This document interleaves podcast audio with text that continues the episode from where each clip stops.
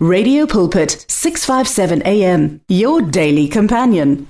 kulohlelo lapho sithi khona mphatlalatsane ekuseni kungolosihlanu ngilithathe leli thuba mlaleli ngikubingelele egameni elihle igama lenkosi yethu Jesu Kristu waseNazaretha ngiphinde ngibonga nakubahle xapho ukusibusake ngaleli thuba bahle uNkulunkulu akubusise. Mlaleli ake sifunde izwi lenkosi sibonisane ngalo namuhla ngokuba kuyilona elisenza lokho esiyiko namuhla. Okuchaza khona ukuthi ke kumele sizijwayeze ukufunda izwi lenkosi silizwisise futhi ukuze senze lokho uNkulunkulu afisa ukuba sikwenze. Ake sibukeke incwadi kaJohani chapter 21 bese ke sifunda laphayana siqala ukufunda kuverse 20 uPetro ephenduka wabona umfundi uJesu amthandayo elandela. Oyena futhi wayencike esifubeni sakhe ekudleni nowathi Nkosi ngubani oza kukukhaphela na? Mlaleli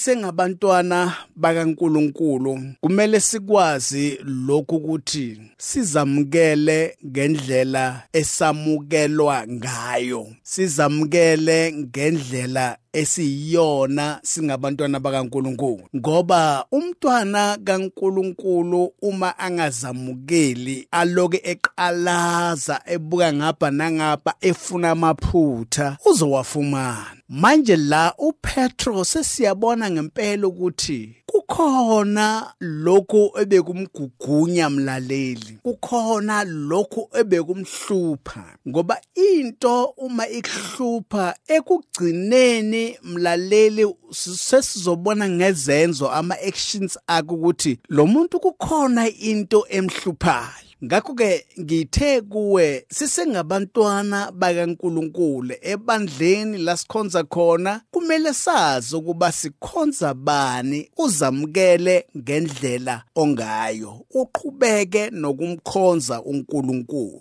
Ngoba uma uzoloku ubheka ukuthi kuthandwa bani ubani ongathandwa ubani okwenzani lezo zinto zizokugugunya mlaleli ekugcineni siyokubona usungasezi enkonzweni ngenxa ukuthi wena unamehlo amaningi enkonzweni. Ngakho ke kubalulekile usengumntwana kaNkuluNkulu wazi injongo yokukhonza uNkulunkulu wazi injongo yokuza ebandleni yokumdumisa uNkulunkulu.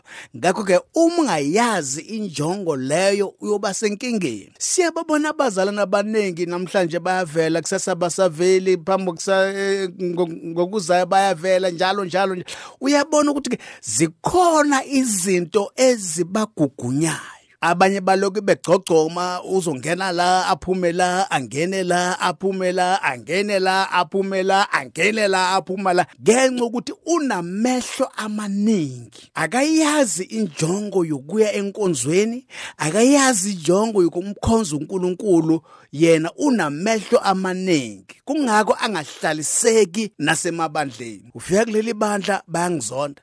Afike kulela bayahleba.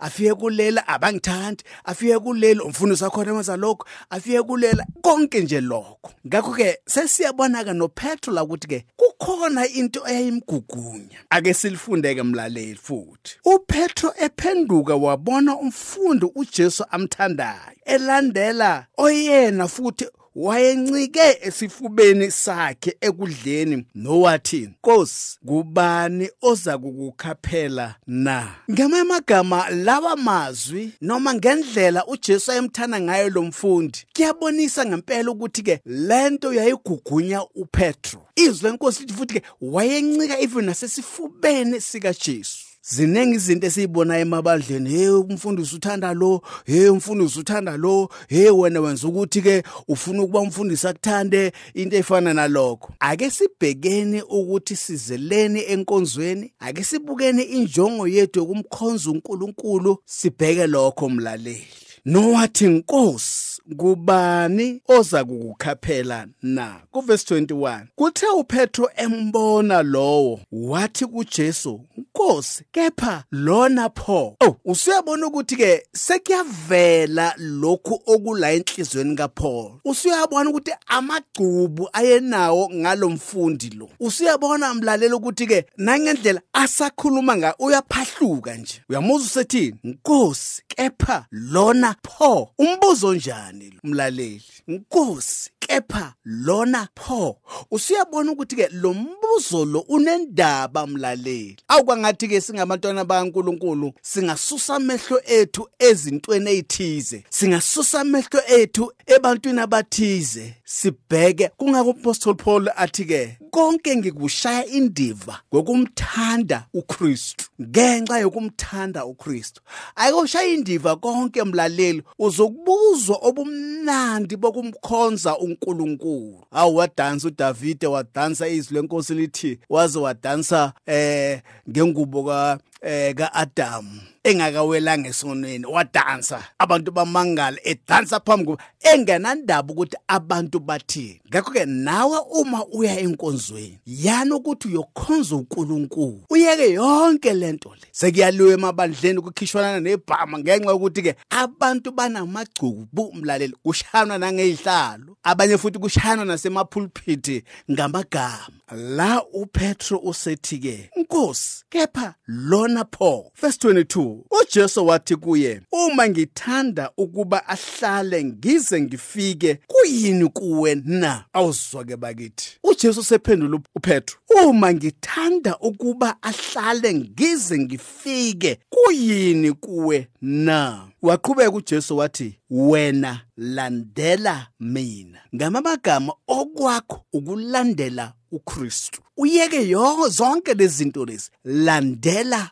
uKristu. Hey ngikhenukile noma ngibiyele emuva ngenxa ukuthi ke abazalwane abanathando eh eh mina ngiyekile ngenxa ukuthi ke abazalwane benza lokhu nalokhu nalokho eh eh mina sengiyayihlalela ekhaya ngamana ngihlale nomndeni wami eh sikhonza uNkulunkulu ekhaya ngenxa ukuthi kwenzakala wena okwakho landela uKristu. Yilawo mazwi uJesu awakhuluma kuPetro wena okwakho yenze njani? Landela yeka yonke lento oyikhulumayo. Yekela konke. Okwakho umsebenzi wakho ukulandela bani? uKristu. Mlaleli ake ngithi kuwe namhlanje ekseni okwakho umsebenzi wakho ukulandela uKristu kwaphela. Angeke mlaleli ulandele uKristu kube uloko ubheka izinto eziningi. Kwacha kwacinga kube namakhokasi kube namagroup ebandleni. uJesu uthi ke wena okwakho landela mina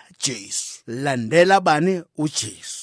Ha ake ngiwaphinde amazwi kaJesu. Usethi kuye wena landela mina. Kuverse 23 ngakho ke lelizwi laphumela kubazalwane lokuthi lowo mfundi akayikufa. Sebayangezelela. uJesu akazange asho njalo. Usuyabona sometimes eh uma uvela ukuthatha izinto uthathe ngamawala ungabuzi mlaleli ugcine sokhuluma into engekho mlaleli. La uJesu akasho ukuthi lo mfundi akasoze afe kodwa uthi kuyini kuwe uma ukuthi ke angangilinda ngize ngifike na? uJesu ilawa mazwi nje awafika awasho. Uma ngithanda ukuba ahlale ngize ngifike na? Akazange athi ke angeke afe. Kepha ke lana ke izwi lenkosi lithi ke lelizwi laphumela kubazalwane lokuthi lo mfundi akayikufa. Kanti uJesu akashongo ukuthi akayikufa. Kodwa ukuthi uma ngithanda ukuba ahlale ngize ngifike kuyini kuwe na? Ngenxa isikhathi emlaleli ake ngithathekele intambo ngiyiphindisele kubahle.